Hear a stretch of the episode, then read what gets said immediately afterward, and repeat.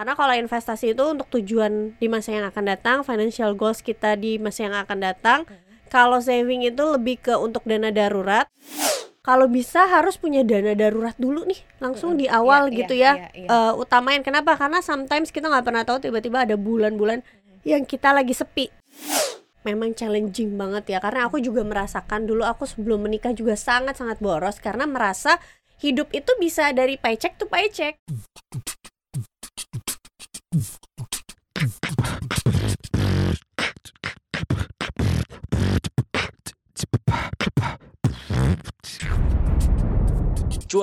cuan.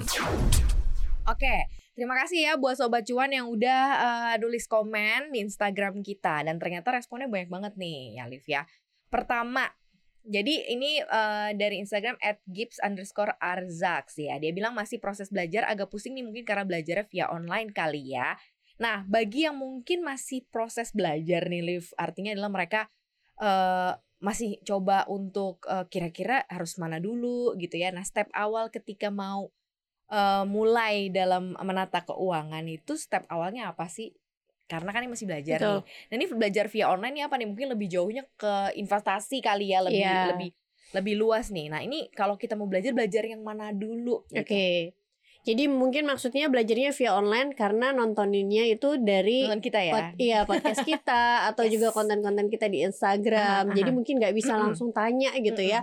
Jadi awal-awal banyak orang yang langsung belajarnya tuh investasi dulu, lompat gitu ya. ya. Padahal awal-awal itu yang harus diatur adalah keuangannya dulu gitu, Mm-mm. jangan langsung lompat. Paling pertama adalah harus mulai budgeting dulu. Kalau nggak pernah mencatat keuangan baik itu pengeluaran dan masukan itu dulu yang dilakuin. Gunanya Hmm. apa? Seperti yang sudah sering aku sampaikan, evaluasi nih Mm, mm. kira-kira keuangan kita itu uang masuk keluarnya itu sudah sehat atau belum besar pasak daripada tiang atau tidak kalau Hmm. bersisa nah sisa uangnya mau diapain Hmm. kalau nggak punya dana darurat ya sisa pertamanya harusnya dijadiin dana darurat dulu Hmm, Hmm. Oke. Jadi shortcutnya ya nggak boleh terlalu jauh ke investasi karena Betul. ada step dasar awalnya betul untuk kamu belajar. Nggak apa-apa belajar via online juga nggak masalah ya. Atau sering-sering nanti komen Mhm. di pertanyaan-pertanyaan kita di IG Story. Siapa tahu bisa kita bahas iya terus. betul Ini termasuk salah satu cara untuk ngebantu kamu juga Iya. gitu ya, biar nggak kebingungan. Betul kadang kan kita juga mungkin kan kita kalau cari ide konten oh apa ya yang bisa relate tapi kalau Mm-mm. misalnya sobat cuan bisa bantu tulis di kolom komentar pas kita lagi posting apa oh saya ada keluhan ini kita bisa langsung ba- Bahas. jawab pakai reels pakai Bener. dan lain-lain Kalau gitu. kalau misalnya memang oke banget gitu ya kasusnya atau case-nya kita bisa angkat di Iya. topik bahasan yang panjang gitu ya Betul. khusus untuk ngebahas apa ya eh, kesulitan kamu Iya. gitu atau kondisi yang lagi Iya, kamu alamin betul. gitu. Thank you banget ya Gibbs ya. Next nih dari Kurnia underscore M Kak penghasilan bulanan aku tuh 4,6 juta. Iya. Aku baru mulai investasi tahun depan. Oh tahun depan dia baru oh mau oke baru mau, mau coba. Hmm. investasi ya kira-kira berapa persen yang harus aku tabung untuk investasi terus sebaiknya investasinya di mana? Oke 4,6 juta. Ini kayak first jobber ya? Siapa tadi namanya? Namanya Kurnia. Oke Kurnia. Kalau misalnya first jobber which is misalnya aku, aku mikirnya Kurnia itu masih single Kayaknya dan single. iya dan, dan, first jobber baru, iya. kerjaan nih. Biasanya mungkin masih tinggal sama orang tua. Hmm. kalau bisa nih 50 persennya itu masuknya ke pos investasi langsung ya iya tapi kalau dia bayar kos bayar itu itu Nah, kalau bayar kos ya minimum 20%, tapi harusnya selagi oke. muda kan biasanya pengeluaran untuk yang macam-macamnya belum ada ya. Mm. Jadi kalau bisa sih minimum banget 50%, tapi kalau nggak bisa nggak apa-apa, 20% aja. Tapi yang penting investasi gitu, jangan tidak sama sekali. Mhm. Jadi bisa dikurangin lah untuk eh, gaya hidupnya gitu. bener-bener lifestyle-nya ya Iya. kalau misalnya kamu udah bisa ngeplan tahun depan kamu baru mulai investasi berarti kamu udah tahu nih kecukupan finansial kamu Betul. untuk konsumsi Mm-mm. gimana ya nggak sih jadi kita happy banget nih dengar Kurnia udah ah kayaknya tahun depan nih udah Iya. mulai berarti kamu ada spare ada uh, uang yang memang sudah Iya. kamu persiapkan 20% which is good Iya. ya kayaknya untuk Jadi ya semakin besar persentase yang bisa kita sisihkan untuk investasi, pasti semakin cepat kita bisa mencapai financial goals kita Benar, seperti itu. Nah, kalau ditanyain lagi sebaiknya investasi di Oke. mana? Nah, dengan orang yang berplanning berarti sudah ada rencana dan kita harap kamu juga udah mulai membaca-baca Iya. ya investasi yang cocok. Step awalnya gimana nih, Liv? Oke, step awalnya ya sudah pasti berinvestasilah di tempat yang memang kamu tahu betul atau kamu kenal betul bagaimana instrumen investasi Mm-mm. itu bisa menghasilkan return ya. Mm. Contohnya misalnya kalau kamu eh, mau berinvestasinya di obligasi pemerintah yang dikeluarkan pemerintah berarti kamu sudah tahu bagaimana obligasi itu memberikan kamu return. Misalnya karena dia mengeluarkan kupon Mm-mm. Nah itu kamu tahu kan berarti dapat passive income-nya dari situ. Tapi kalau kamu mau berinvestasi di saham, kamu harus tahu bagaimana pergerakan saham itu bekerja, apa saja faktor-faktor yang bisa menggerakkan sebuah harga saham. Jadi kalau kita beli saham berarti kita beli kinerja dari sebuah perusahaan. Mhm. Seperti itu. Dan mungkin nambahin dikit Olive nih dari 20% itu mungkin nggak di satu basket, di satu Betul, keranjang betul. ya. Jadi kamu harus diversifikasi minimal yang agak konservatif dulu Betul. ya dan yang uh, middle agresif ya. Betul. Jangan yang terlalu agresif banget Iya. nanti shock karena kan Betul. kamu juga baru banget kerja, baru dapat duit. Jadi sebisa mungkin ya itu kamu harus menghargai uang yang kamu dapat dengan Betul. keringat ini. Jadi kamu bisa benar-benar berpikir mana uh, pos yang akan kamu taruh khususnya untuk Yes. investasi ya. Next, ini kalau 4,6 juta sih aku ya ya. Tapi ini kalau Sarah Eka Putri ya Sarah Eka Putri Mhm. gaji aku 8 juta Mhm. kak per bulan gimana cara ngatur duitnya? Hey, Gaji 8 juta Eh, aja kalau- masih bingung ya? kalau dikit susah ngiturnya pusing, banyak juga Mhm. susah sih kan. Iya, kalau nggak tidak sih? ada pemahaman pasti jadinya pusing juga. Mhm. Oke, jadi bisa pakai metode 50 30 20. 50 persennya misalnya untuk kebutuhan hidup, 30 persennya kalau kamu punya cicilan baik itu produktif dan juga Mhm, konsumtif, mhm. 20 persennya untuk investasi, saving dan juga proteksi. Kalau tidak punya cicilan gimana? Ya bagus Hmm, dong. Bagus, bagus. Berarti porsi dari investasi, saving dan juga proteksinya bisa diperbesar. Kenapa kalau kalau ada investasi pasti ada saving, ada proteksi gitu ya? Mhm. Karena kalau investasi itu untuk tujuan di masa yang akan datang, financial goals kita di masa yang akan datang. Mhm. Kalau saving itu lebih ke untuk dana darurat atau juga misalnya kamu simpan untuk uang yang kamu mau pakai beberapa bulan ke depan Mhm. gitu. Misalnya kamu ada rencana nih mau beli TV atau misalnya mau beli Ah, oke. mau beli sepatu beberapa bulan ke Ada depan. keinginan-keinginan gitu Betul. ya. Nah, kalau proteksi, proteksi ini untuk melindungi diri kamu. Jadi Hmm. ibaratnya kita melemparkan resiko ke pihak ketiga Hmm, seperti itu. hmm. Karena misalnya contoh paling gampangnya proteksi itu seperti asuransi. Mhm. Kalau kita sakit kira-kira nih uang kita terganggu nggak cash flow-nya untuk bayar rumah sakit. Hmm. Kalau kira-kira misalnya terganggu ya udah kita bisa lempar resiko tersebut ke pihak ketiga misalnya dengan punya asuransi, Asuransi, jiwa. yes. Eh sorry, asuransi kesehatan. Hmm. Seperti itu. Oke, jadi dihitung aja. Jadi kalau kita bicara amount ya, uh, Sarah Eka Putri ya, 8 juta nih. Kalau tadi pakai standar perhitungan dasarnya Mhm. financial planner ya, 50, 30, 30, 20. 20. Jadi 50% which is itu 4 jutanya. 4 juta. Itu ja- jadi untuk apa? Cost living ya, Betul. konsumsi. And then uh, 30 30-nya. persennya itu kayak sekitar berapaan tuh? Matematika gue bodoh Dua ya. juta setengahan. 2 juta setengahan ya Hmm. dua juta setengahan itu untuk eh, apa tadi bayar utang Iya, ya cicilan, kalau, cicilan. kalau nggak ada bayar utang malah Betul, bagus itu mungkin betul. bisa dialokasiin mungkin bisa bi- eh, mulai apa ngumpulin dana darurat gitu Betul. ya dan sisanya baru buat investasi gitu kalau kamu misalnya 50% eh, persen tadi untuk konsumsi bahkan aku nggak sampai 50% persen Iya. konsumsi Wah, ada aku. juga. ada juga Mm-mm. kayak gitu kan karena aku masih tinggal di rumah mama Betul. masih masak apa makan juga masih ikut masakan mama jadi masih banyak banget Mhm. Nah itu larinya lebih ke mana dulu yang sisanya ini. Kalau misalnya ternyata konsumsi aku nggak sampai 4 juta, aku cuma 2 juta loh ternyata. Wah, Berarti bisa penuhin dana darurat. Hmm. Dana daruratnya sudah terpenuhi nih, Kak. Oke, Mm-mm. berarti bisa ke investasi. Yes. Maka makin besar kesempatan atau makin cepat kamu bisa mencapai FIRE, financial independent, retire early. Mhm. Gitu ya Sarah ya. Jangan bingung ya. Tapi nanti kalau misalnya kamu tambahin di bawah-bawahnya ada apa ada apanya, mungkin kita next bisa bahas Betul. lagi ya. Tapi dari 8 juta sih kayak gitu kalau standar perhitungannya. Nah, lanjutnya dari Rika.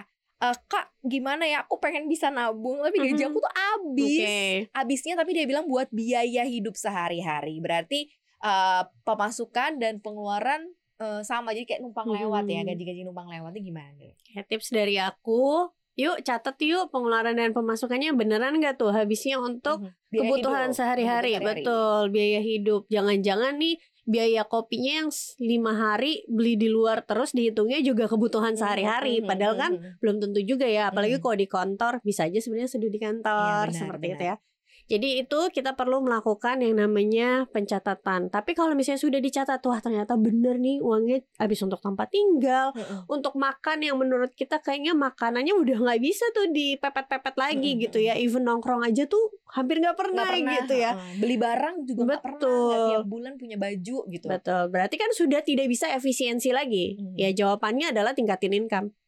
Perbesar income tingkatin income ya karena udah Hmm. nggak ada yang bisa dipotong lagi gitu. betul masa makan kamu tiga kali jadi dua kali iya ya, jadi dua kali kan nggak ya mungkin itu Nah, malah bahaya dong mengancam betul. kesehatan gitu ya jadi mungkin eh, dilihat-lihat mungkin opportunity apa Yes. di luar sana gitu ya untuk bisa dapat side hustle lain gitu Betul. ya mungkin kalau misalnya kita bicara habis buat biaya sehari-hari coba dilihat sisanya berapa sih yang paling minim apa benar-benar nggak ada sisa mhm. atau jangan-jangan ada sisa sebenarnya kayak which is kayak 200 atau Iya. 100 ribu itu mungkin bisa mulai Iya. dari situ sekecil itu kok mulai Iya. untuk diinvestasikan atau ditabung atau bisa ya. juga mungkin diputar kalau biasa nabungnya banyak Mhm. orang nabungnya itu karena sisa uang Mhm. coba dia diputar oh oke ketika oke, dapat oke. pendapatan sisin dulu seratus ribu misalnya di depan baru Bener, sisanya 100.000 untuk itu jalan yang untuk di save Iya, saving ya benar-benar benar coba kayak gitu kayaknya coba ya. diputar. Begitu masuk coba taruh dulu mana yang mau ditabungin. Iya. baru abis itu sisanya baru bisa di betul. pos-posin Hmm. gitu dengan yang ada. Benar-benar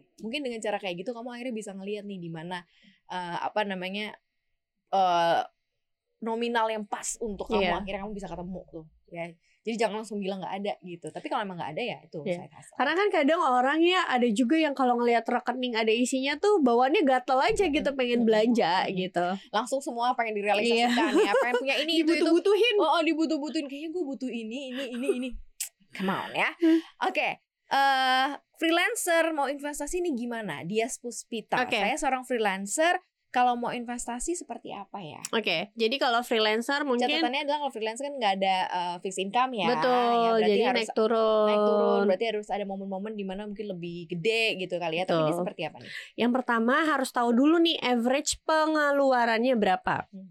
Jadi kan pasti aku assume jadi freelancernya kan mungkin sudah beberapa tahun ya. Jadi Ya, sudah tahu dong pengeluarannya setiap bulan rata-ratanya berapa gitu. Nah, ambil angka itu berarti kamu nanti cari pemasukan yang lebih dari itu kan. Misalnya contoh pengeluarannya sebulan itu 5 juta rata-rata. Ya udah berarti harus cari pendapatan kan di atas 5 juta kan, Mhm. lebih dari 5 Mhm. juta. Kalau dapat 5 juta aja ya udah berarti impas. Ibaratnya sebenarnya cash flow-nya ya oke lah, tidak lebih Mhm. besar pasak Mhm. daripada tiang. Tinggal carinya cari lebihnya lagi. Nah, lebihnya nanti baru bisa dimasukin ke pos investasi Hmm. seperti itu. Oke, dan ya ingat ya karena Hmm. nggak ada fixed income uh, harus pinter-pinter Betul. nih. Di mana kalau ada momen mungkin dapat lagi dapatnya gede Betul. ya masukinnya juga gede. Iya.